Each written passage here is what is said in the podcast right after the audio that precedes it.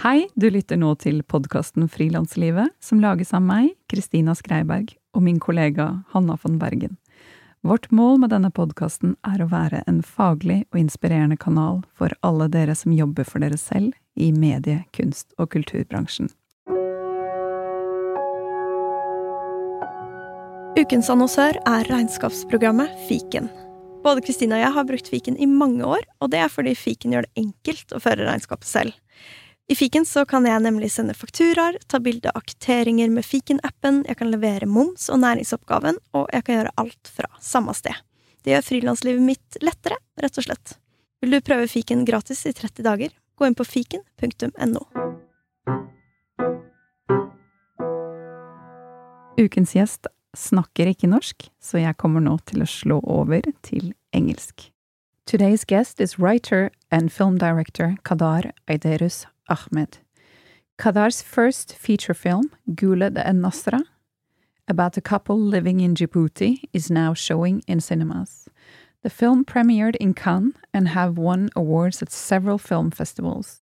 And the film was just shown in cinema in Mogadishu, where there is only one cinema and where no films have been shown since the civil war broke out 30 years ago. Kadar is 40 years old. He was born in Mogadishu in Somalia and have been living in Finland since he was 16. He's now living in Paris. He is a self taught scriptwriter and director, and with this film from Africa, he is hoping to make European cinema more diverse. Hi. Wow. what introduction. Hello. Is it true? Yeah. Absolutely. I love the way I love the way you introduced. Like, wow. Oh, yeah. I, I think um, all of our guests, or most of them, get that impression that they hear uh, something about themselves, and you get a bit distance to mm, it, and mm. it's like, oh, that's me. Yeah, exactly. And, and, we all have a reason to be proud of our, ourselves. I think. Yeah, absolutely. But it's strange also to uh, for me to get used to that, you know, like whether it's um, the introduction of the film when I'm on the stage or, you know, and the moderator introduces me to the audience and then they say all these nice things. I'm like, oh, wow, okay, you know. yeah, so. Yeah. And uh, lately there has been a lot of that, hasn't it? Absolutely. Absolutely. Yeah. Because um, it seems like um, you are enjoying a lot of success right now. Uh, and your film is entering cinemas in many countries. Mm. Uh, and you've been to Cannes and you've been awarded um, prizes at the Toronto International Film Festival and many other festivals. Yeah. yeah. How does it feel? Um, it feels strange, but in a good way. I mean, I'm really. Um, the film has been in, in, in the making for the past 10 years you know, and there has been so many ups and downs, and there were so many times or moments that, you know, we were almost this close to give up because you know um, the process wasn't just really moving, uh, you know, ahead, and uh, so now that it is here, I'm just really glad that you know it's all this is happening for the film. You know, I'm I'm really relieved and uh, just really enjoying it. Yeah but I haven't let it get into my head and act like, you know, bit hot shot. Yeah, I'm just really happy for the film. Yeah. And I'm so glad you didn't give up. Absolutely. Um, it, it's it's one of my characters that really to never give up. If I believe in something or in somebody, um, giving up is never an option. You know, even if it gets hard, you know, I always find um, or try to think about different ways to make things work. But giving up is never an option for me. So that's why it has taken, you know, why I have been, you know, on this project for the past 10 years. Yeah. And I want to um, dig more into that, all those, all the effort or, and, and hard, hard work that uh, is behind this film. Mm. But the, first, I want to uh, go back uh, to uh, that moment, or if there was a moment when you realized you wanted to be a filmmaker? Um, you know, um, I come from Somalia, you know, and in Somalia, you know, we are a nation of poets and stories. So I grew up listening to stories, you know, and uh, you know orally, you know, and and uh, I had an uncle um, who used to tell me stories, you know, in the evenings, and it wasn't about these stories that he used to tell me. It was more about the way he told these stories. You know, he would um, get me inside this story. You know, like if if it was really kind of like um, um, a horror story that he was telling, then he would, you know, use different tones. I mean, like, and then, you know, it was night and it was dark. And then, you know, so that he would get me in, in, inside this story, you know, so I would be like scared, excited, you know, you know, go through all these emotions that we go through when we're watching a movie.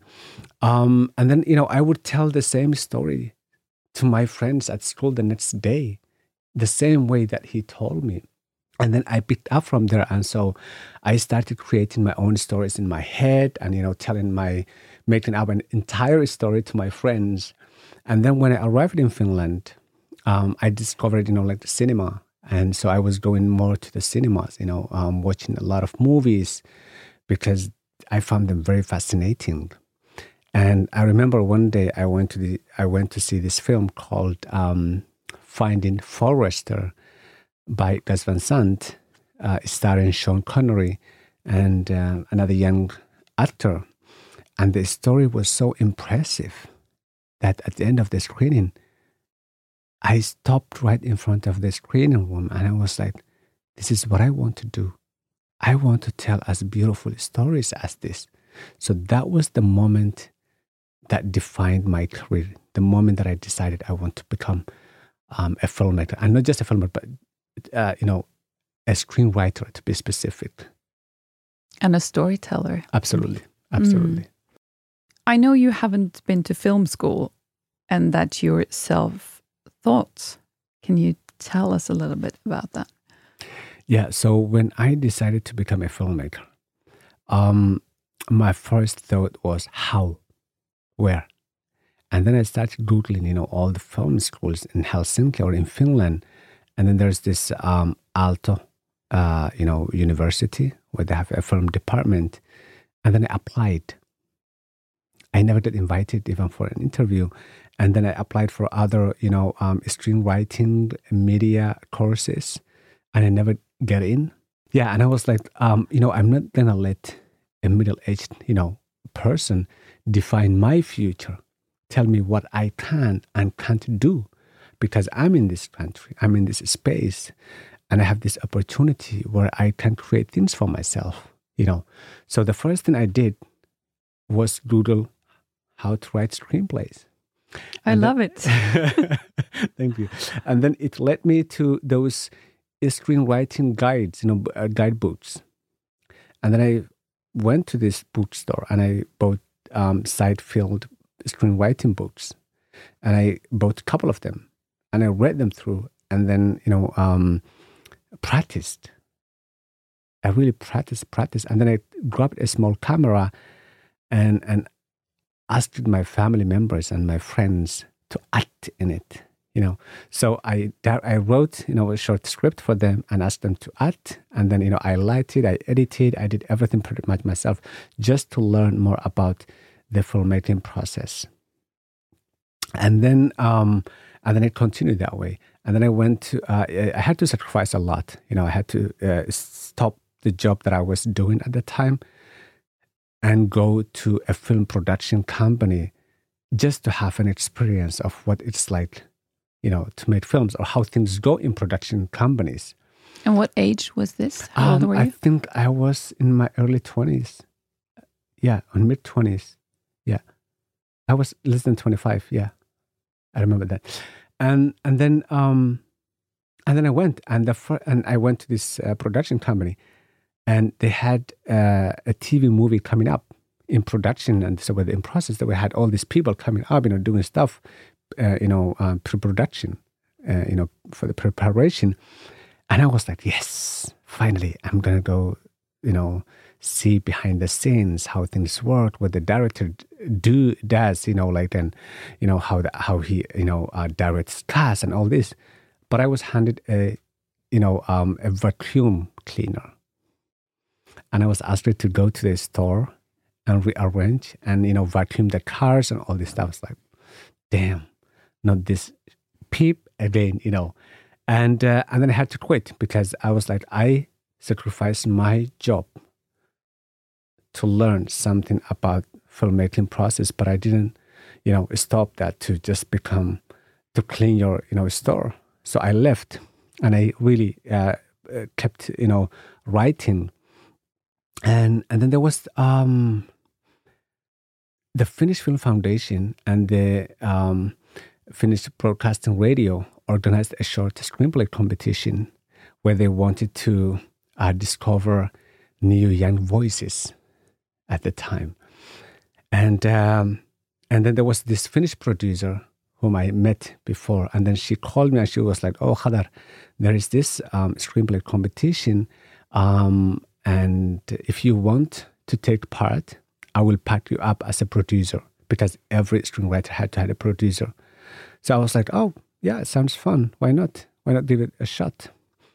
And we participated because we had only two months, 60 days to write this script.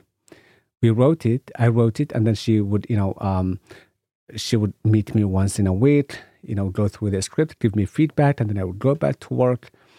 And we were one of the winners. So that's how my first short film got made. I wrote, and then it was directed by my uh, colleague. So that's how I got my feet into the industry. And was that a, a turning point for you? Like, was it easier after that? Absolutely not. I thought this was going to open doors for me. Yeah, I thought you were going to say absolutely. Absolutely not. And then the funny thing is, I applied for the university again with this film. And the funny thing is, this film, it won prizes in film festivals. The second prize in Locarno, you know, film festival, which is you know one of the A-list film festivals. And I was like, okay, now you have a sh- you have written a short film that won the second prize in Locarno. So this will help you get your feet into the, in, in, into university, so you can really learn more about writing. I applied again with that film under my belt, but I didn't even get invited for interview. How come? Do you know? I would like to know as well. Yeah. I have no idea why, but I was like, okay, now I know you know how things work, and um, and it hasn't made any easier for me. You know, that, that film hasn't done anything for me. It has done for the director, you know, but it, as a screenwriter, it hasn't done really that nothing for me. And I kept struggling. I continued struggling, you know, with getting my films funded, and and then I was like, you know what? I'm gonna do. I'm gonna make these short films with zero budget because nobody was funding. And then so I gathered my colleagues and we made short films that were going to all these festivals. So actually, this film is the first publicly funded film that I'm writing and directing. Wow. Yeah. But during these years, how did you keep your uh, spirit up? It was my belief in myself that kept me going all these, you know, uh, difficult times because I believed that I was good at what I was doing. And if I were given a chance to prove myself, I would have proved myself. So I, I just, all I just needed was one shot to be given. And that one shot took longer than I expected. And this is that shot, you know. So um, it was just really the belief in myself and the trust and also you know my confidence i think that you know kept me through all these um, years. Otherwise it would have destroyed me really. And uh, yeah.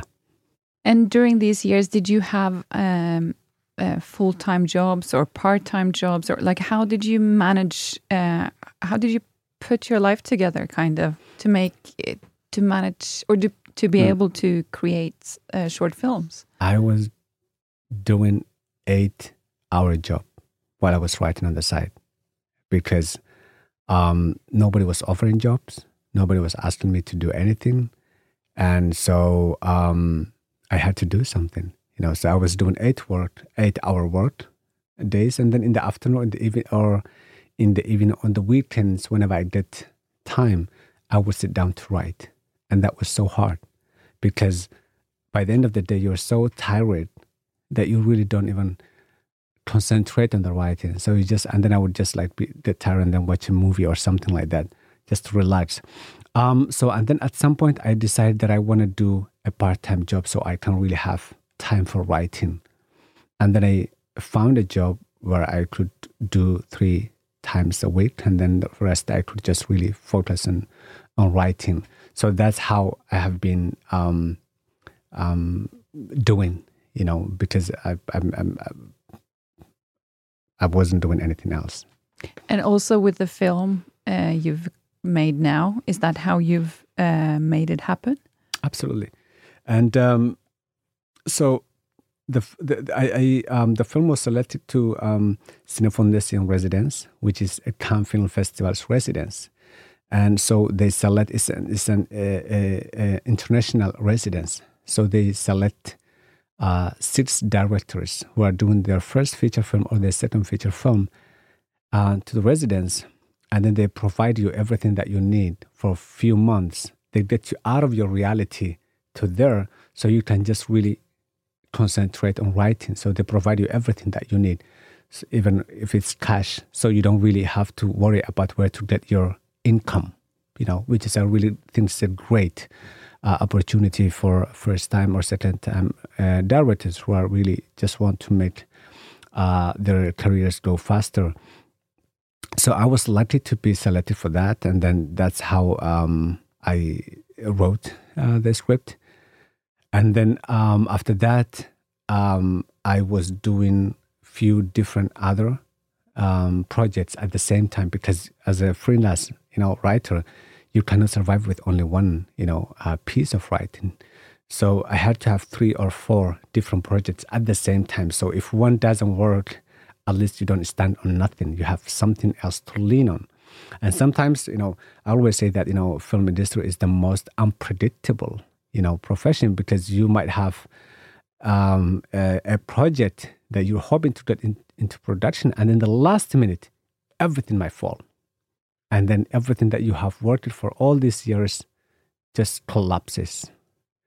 And uh, so, for that not to happen, I had to have few different projects at the same time so I could survive financially.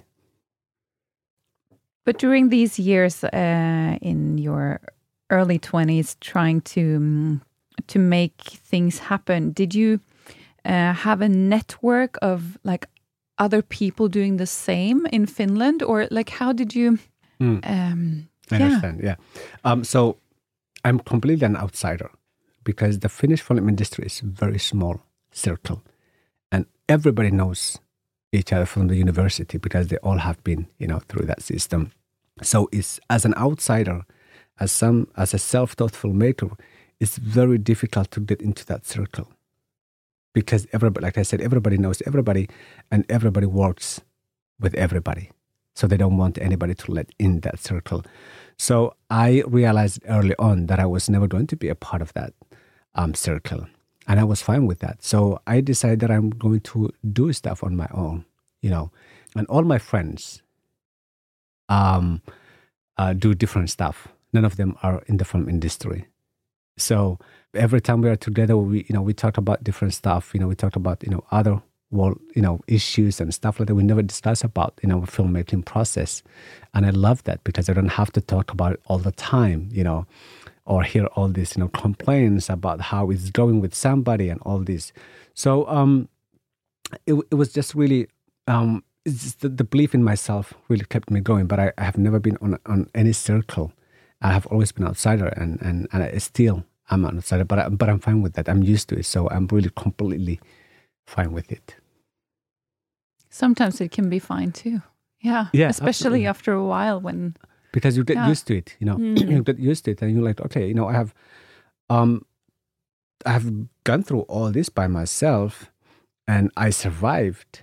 And you know, now if you find somebody who have, you know, people uh, the same um, people who are you know have the same interest who like you know who want to do some stuff with you fine they're welcome but if i don't find i'm still fine you know because i've been fine i'm still fine and i will be fine that has always been my motto, you know. So um, yeah, it's it's just about getting used to it. Where do you think you've got this uh, strength from? Um, I think from my mom, because you know she I, I was raised by a single mother uh, with seven siblings, so you can imagine how strong and strong you know uh, she was, and um, and yeah, I you know I am influenced by her, you know. So you know she's one of those the strongest person that I know. So yeah.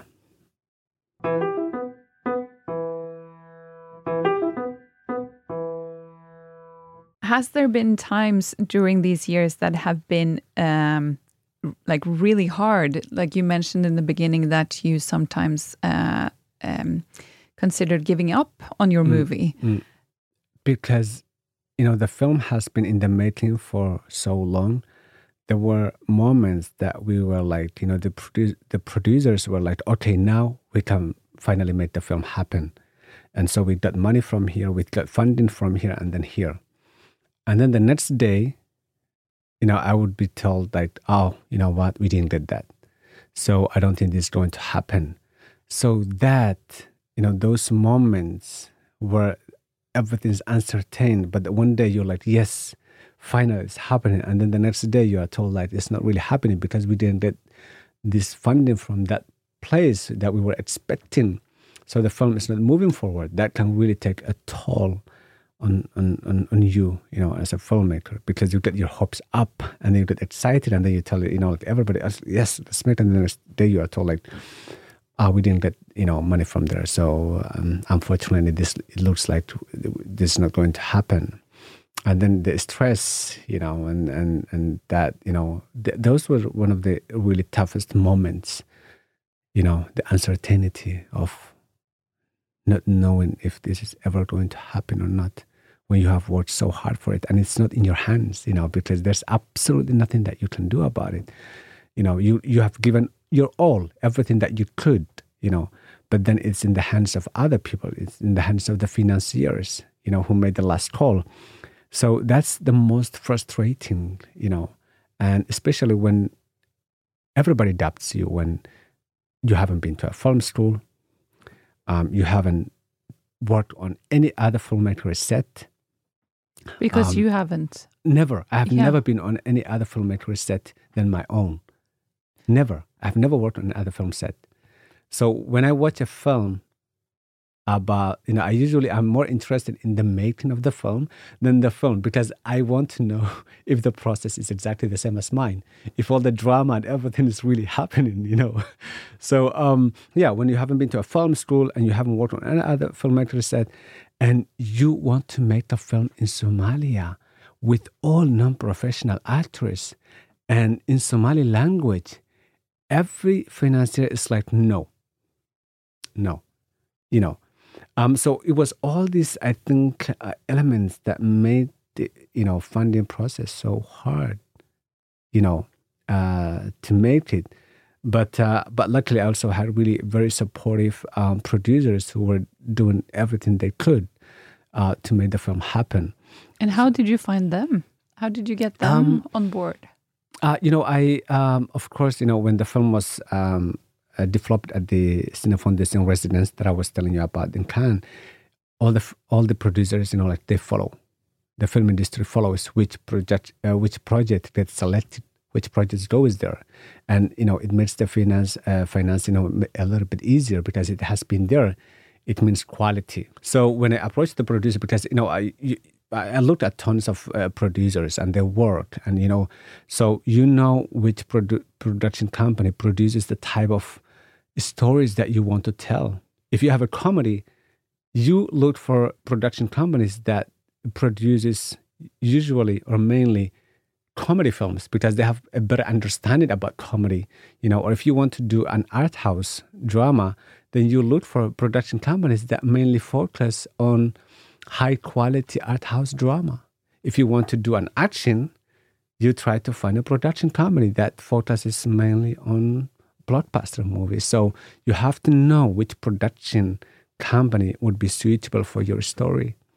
And when I found Bufo, I was like, I checked, of course, you know, their profile and the type of films they have made in the past. And I was like, okay, I think th- this uh, production company would be uh, the best, you know, uh, place for, for, for your, the best home for your uh, project. And, you know, I approached them, they read the script, they liked it, and then that's how they got involved. But I'm so amazed how you have figured all these things out on your own. Absolutely. Absolutely. Because, you know, um, I want to learn every aspect of filmmaking, you know, whether it's um, writing, directing, producing, um, you know, distribute, distributing. I want to know everything because when you want to learn, you want to learn everything, you know, about about that um, uh, about that thing. So for me, I wanted to know about the entire process, and on my own, just by you know, reading, uh, you know, um, um, you know, discovering, asking other people, you know, yeah. But learning all this, has it been very, has it taken over your life, kind of? um, no, I was actually having my own life while also, you know, waiting or, you know, like doing my also doing, it, it wasn't like I have sacrificed my entire life for this project. So not day and night, 24 no, 7? Absolutely, no, absolutely not. Uh, there were times that I wouldn't even hear about the project for a year or a year and a half, you know, because they were still, you know, in the funding process. So I was writing other, you know, uh, projects, and you know, I was doing other stuff or developing another the next, uh, you know, script, and uh, living my life. Yeah, so it, it's not like I have sacrificed everything for this film. Yeah, but it's a project of patience, absolutely. I guess as well. Absolutely, because um, this has taught me one of the valuable things that you know the process of making this film has taught me was patience. Before that, you know, I was like, I want something, I want it now, you know. But with this, I learned that not everything happens accordingly, you know. And sometimes maybe that's the best thing. Because sometimes you think that if you get this thing exactly the way you want it, it's going to be the best but not necessarily. Sometimes what you want comes in a different form through another direction. And you just have to embrace that. And I really learned just living in the moment, uh, doing your best and living in that moment and just seeing the outcome and just going with the flow. You know, so it was a very learning process for me as well, you know. I get some goosebumps actually, because um, uh, many times in my life I've wanted something to happen and then it hasn't. And mm. then maybe five years later, absolutely, it happens. Absolutely. And I get this epiphany or absolutely. revelation where I'm like, of course. Absolutely. This is when it's going to happen. Absolutely. It, it wasn't then. Absolutely. It's now. Absolutely. And it's uh, pretty amazing. Absolutely. When you get that feeling. Absolutely because um, I wanted to make my first film at the age of 23. And now look at me. so sometimes things happen when they're supposed to happen. And that might be the best moment for it to happen. So I realized that I'm never going to stress about anything from now on ever, ever in your life. In my life. I will do the best capability of mine then to do that thing, but I will not stress about the outcome because it's not in my hands. Yeah. That's a super nice takeaway, mm. I think. Mm. Nå er det påskesalg hos Ark. Du får 30 på påskekrim og 40 på alle spill og puslespill. Jeg gjentar Ark har 30% på et stort utvalg krim og 40% på spill. Det er mye påske for pengene. Så hamstre påskekosen i nærmeste Ark-butikk eller på ark.no.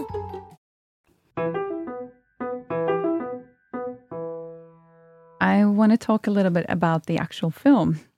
Because uh, in the film, we follow Guled, Mm. who's a very like soft and gentle man who works as a grave digger, which means that he waits around for people to die so he can dig a grave and then he earns some money. While Guled earns his living by waiting for people to die, his wife, Nasra, is dying. And he's desperate to make extra cash to save her life. What's the inspiration behind this story? Isn't that ironic that you want other people to die so that you can bring, um, so that you can save your wife? Wow. So, um, yeah, like everything that I have done so far, I have created myself. I have written, and everything that I have done so far has been inspired by conversations that I have had with my family members, with my friends, or with my colleagues. I never sit down somewhere to think about what to write about next because I always look at my surroundings and tried to gather information and write, try to write something about what's happening in my surroundings. Uh, so with this film, uh, it was inspired by a tragedy, you know, a death that happened in my family, and a sudden death that you know uh, my uh, brother's uh, baby, my nephew, died, and I was given the responsibility to arrange the the funeral process. And the funeral process took longer than I expected. You know, calling the imam, the masjid, um, calling the hospital to you know organize how to get you know the baby out there, and also calling the cemetery, you know, with the grave. So the process took longer than a week. And then on the funeral day, my older brother asked me if I remember how easy it was to bury people in, in Somalia. And then he reminded me of this small group of grave diggers that would always be ready in front of the hospitals to do the job within an hour or two. And then I remembered walking by these men every day on my way to school, but I never stopped to look at them or to think about them, you know.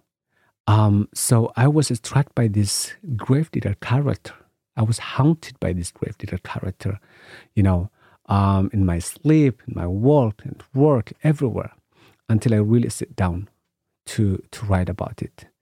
And it was one of the most uh, therapeutic, you know, experience I've ever had because I was crying, I was laughing, I was going through all these emotions, you know, that uh, that we human beings go through, and um, and so for me, it was all about you know giving a voice to those voiceless um, members in our society that contribute so much into the society, but are never given credit for their contribution because they don't seem to have much.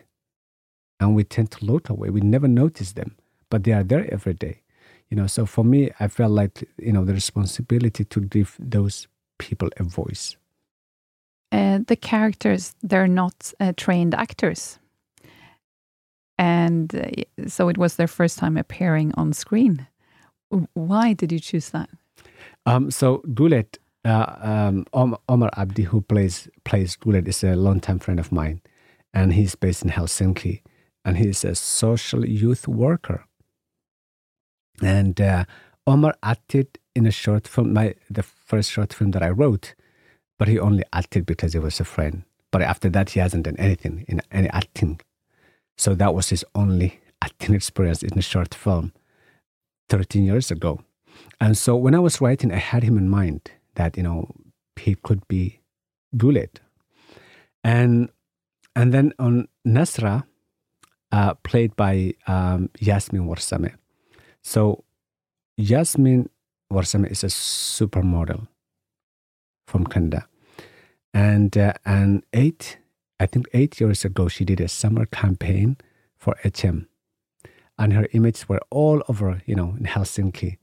And I remember coming out of, um, you know, the central, uh, the metro station uh, in Helsinki and pumping into this incredibly huge poster um, of Yasmin in bikinis. and I was struck. I was like, my God, she's beautiful. Who is she? And then I Googled it, and she turned out to be a Canadian supermodel of Somali origin. And within that moment, I knew that she was going to be uh, Nasra.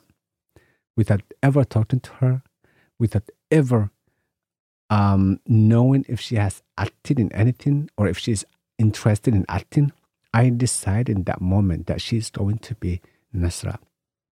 So my mission was do whatever I had to do to get her on board. And how? Well,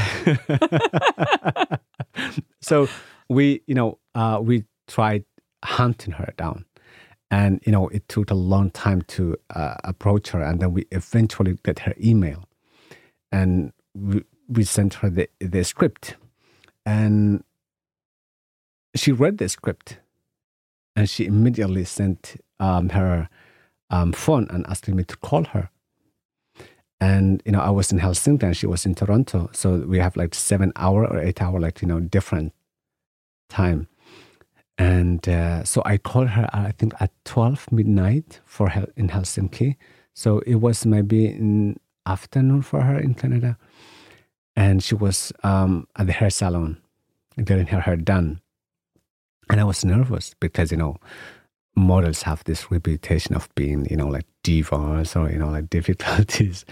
So I was like, I, had no idea what she's going to be, uh, what she's going to turn out to be like. So I was just hoping that she was going to be a nice person. So I called her and she answers the phone with a joke. She threw a joke. And I was laughing and she was laughing. And within a few minutes, we were talking like two people who have known each other all their lives. She's one of the most humble person you will ever meet. So incredibly humble, so down to earth, so you know, um, funny. You know, so I was really, really lucky um, to have her on board. And the rest of the cast are from Djibouti and non actors. So what I did was because there's absolutely nothing in Djibouti, there's no film industry, there's no acting school or university. So I had to do street casting. So I was out in the streets, chasing after random people, stopping them, talking, to, introducing myself, talking to them, and asking them to come to our auditions. So most of them thought I was like crazy, you know, because they didn't had no idea what this casting or this was you know. But you know, Djiboutians are so open-minded and so curious that they really, you know, um, came uh, to the audition. So I was really also lucky to have all these incredible uh, people in, in, in the film. I read that the the young boy who plays the son of the couple, you found him just a couple of weeks before you started filming. Absolutely. But were you then um, a bit nervous of not finding the uh, right boy, or that was a nightmare because you know I went to Djibouti um, in March, and we were supposed to shoot the film first of October. So I went there for I think a couple of weeks, or for I think ten days, and to do some casting and also some scouting to find location and stuff like that. So we went to this school that was close by the hotel we were staying. And then we asked the principal if we if they could bring one class at a time in the big room that we were at. And so the first class came in and there were like maybe 70 kids in one class. That's a lot. And then so I would just stand in front of them, introduce myself, my our intentions we were doing in Djibouti about the film, and then I, I would ask them questions like who is interested in football, who likes music, who you know. So they would all say me, me, me. I like this, and you know. And I remember, you know, because he has the same name as me, uh, Khadar was standing next to his friends, and his friend was talking a lot to other friends, you know, all the time. And Khadar would, would always just elbow him like, "Hey, quiet! I want to, I want to hear." It. So he really caught my attention and then I asked, you know, um, our associate producer, the local associate person, please, I want to see this kid first. So they brought the kid back. He was the first child I asked it back. I sit down with him. I just, you know, had a nice chat with him about uh, his family, about school, and stuff like this. And then asked him to tell me a story. And I found him really unique. And the, and the next day we were going back to Helsinki. And then that was that. So one week before um, I went to Djibouti because I, I went there one month before the shoot, so I could get everything else ready because we didn't have the budget to really go two months or three months before to do to do the preparation. So I sent the associate producer the kid's picture and said, I want this, I want to meet this kid when I come back. And I was going back there first of uh, September. And she told me, Khadar, from the 1st of October until 7th, the schools are starting. So it's going to be very difficult to find this child. But we will do whatever we can to find him. So we went there and I went to the school and she found out, oh, they can't find the kid.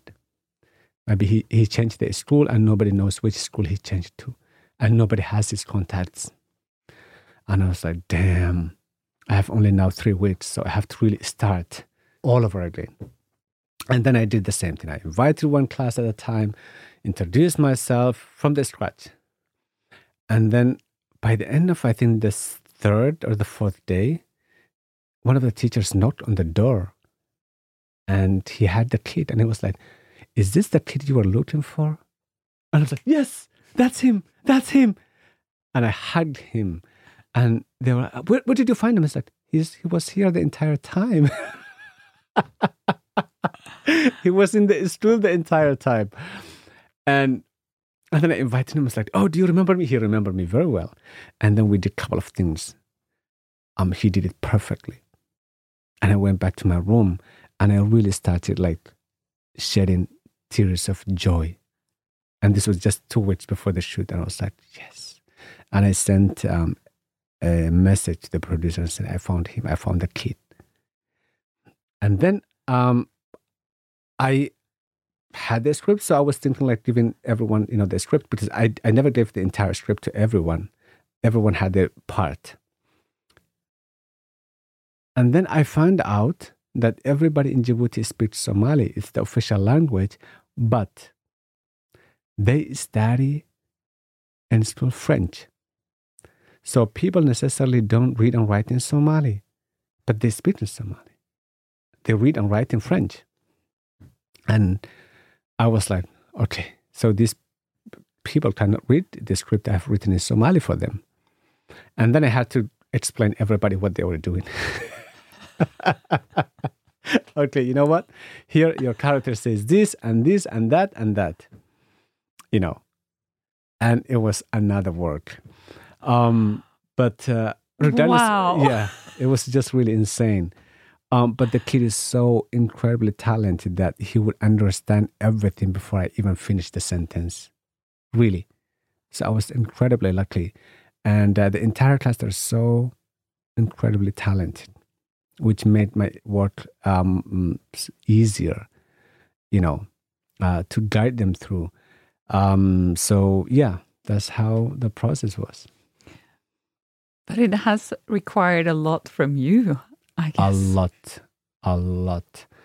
And um, And many things you can't really plan for. absolutely. that just happens. happen exactly and uh and yeah and but every day was just a joy for me you know because every time it gets hard i will remember all these 10 years that i have hard, worked so hard for it and i was like i'm not gonna let this moment get into my head i'm freaking gonna enjoy this moment so every day on set was just a joy and you know regardless of how hard it was and you know the entire crew And hot. hot. The entire crew were from Finland. They all got sick. Everybody got sick. So sometimes we would shoot the film with less than 10 crew members because everybody was in the ho- uh, hotel really sick. And so there was, and the heat, and, uh, you know, it, there was so many challenges. But I would do it all over again if I had to. Oh, I love that. And to just, Yeah, yeah, be grateful for absolutely. the ride or the opportunity. Absolutely. Absolutely. It was just really joy. How is it to bring a, a whole crew from Finland to uh, Africa? Um, is it a um, cultural collide or is it just a fun experience? Um, no, because uh, of course, you know, none of the crew members has been to Africa before the film. None of them has ever worked in Africa, including myself. So it was also me who had to guide them through, you know, because I was the only person who could understand the language, the Finnish language, and also the Somali, um, even though we were speaking in, in uh, on set. Um, but they pretty quickly, you know, picked up because you know what helped was they went there a couple of times before the before we started shooting. So you know to just hang out to see the environment, the people, the culture. So once we start shooting, everybody would everything would just feel pretty natural to everybody, and nobody would ever question why this is did and why that's happening that way. So everybody, so the fact that we went there a couple of times before we start shooting helped us a lot, all the crew. And there's some, there's beautiful scenery and beautiful clothing Mm. in the film. Mm. Actually, uh, I watched it on my uh, my screen. Ah, you should have seen it on the big screen. I will Of as yes. well. but I took so many screenshots Yeah, yeah. because I just thought the frame was beautiful. Yeah. I mean, Arto, who is the cinematographer, he did an incredible job, you know, and it was, we had a lot of discussions about the way, um, because even though this, the subject of the film, uh, the film deals with heavy subject, I really wanted it to be colorful. I wanted to be warm, tender, and light, not dark and depressing. So we had a lot of discussion about the way I wanted to portray this small family, and uh, so he did a really incredible job by you know really with the, with the uh, cinematography.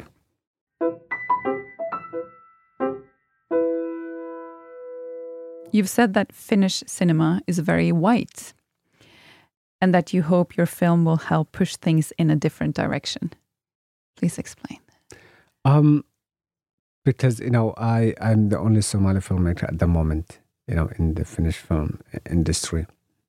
Or maybe Uh, the Scandinavian or even Uh, Even I, further, I, I, know or- the the one in uh, in Sweden who is also Ahmed Abdullah. He's working on his first feature film. Oh cool. Yeah. Um, I don't know anybody from. Ah, also you have one. Uh, you know, uh, Ibrahim Morsel, who is also a, a documentary filmmaker. here. Wonderful. Yeah, in in Norway. Um, so you have one and one and one. You know, here and there. But that you know, to for me, it was more about making a statement about the Finnish educational system. You know, that is so white that you don't they don't let film school anyone other than white. You know, and that's where everything starts from. You know, if I went to a film school, it would have been different. If there were other, I'm, and I'm sure I'm not the only, you know, Somali black person that you know um, applied, you know, the film school, but hasn't gotten in because there has never been a black person in in, in the Finnish uh, film uh, university. So that's what I mean, like so white, and it's not only the industry, but it's the system, you know, because if you don't allow diversity get into film uh, schools, then how can you expect them to be on set behind the camera because they don't have the education? And if they go through the same route that I have taken, it's going to take them longer than 10 years for them as well to get into that you know so um, I, I hope that is you know this film and my process is going to make things easier for the next generation that they're going to get into film schools easier you know and on and so they can make uh, films as well Will you continue making films from Africa? absolutely this is the beginning of so many inshallah Inshallah. yeah And I want to touch back on this patience thing because I read in another interview you've done that you started, like you've mentioned, this uh, script 10 years ago. But during these 10 years, you yourself have gotten married and uh, you experience life, and that's perhaps the script gets better with experience and maturity and absolutely patience. Absolutely. I mean, if I did this film 10 years ago, that result would have been completely different. It wouldn't have been the same film as it's now. Because as you said, you know, I have grown up as a human being. I have evolved. I have traveled. I have seen the world. I have gotten married. You know, I have div- I've been divorced. I've like experienced so much that you can, um, that a human being can experience. You know, so that made the script so much better. You know, and so much more content than um, what it was like 10 years ago.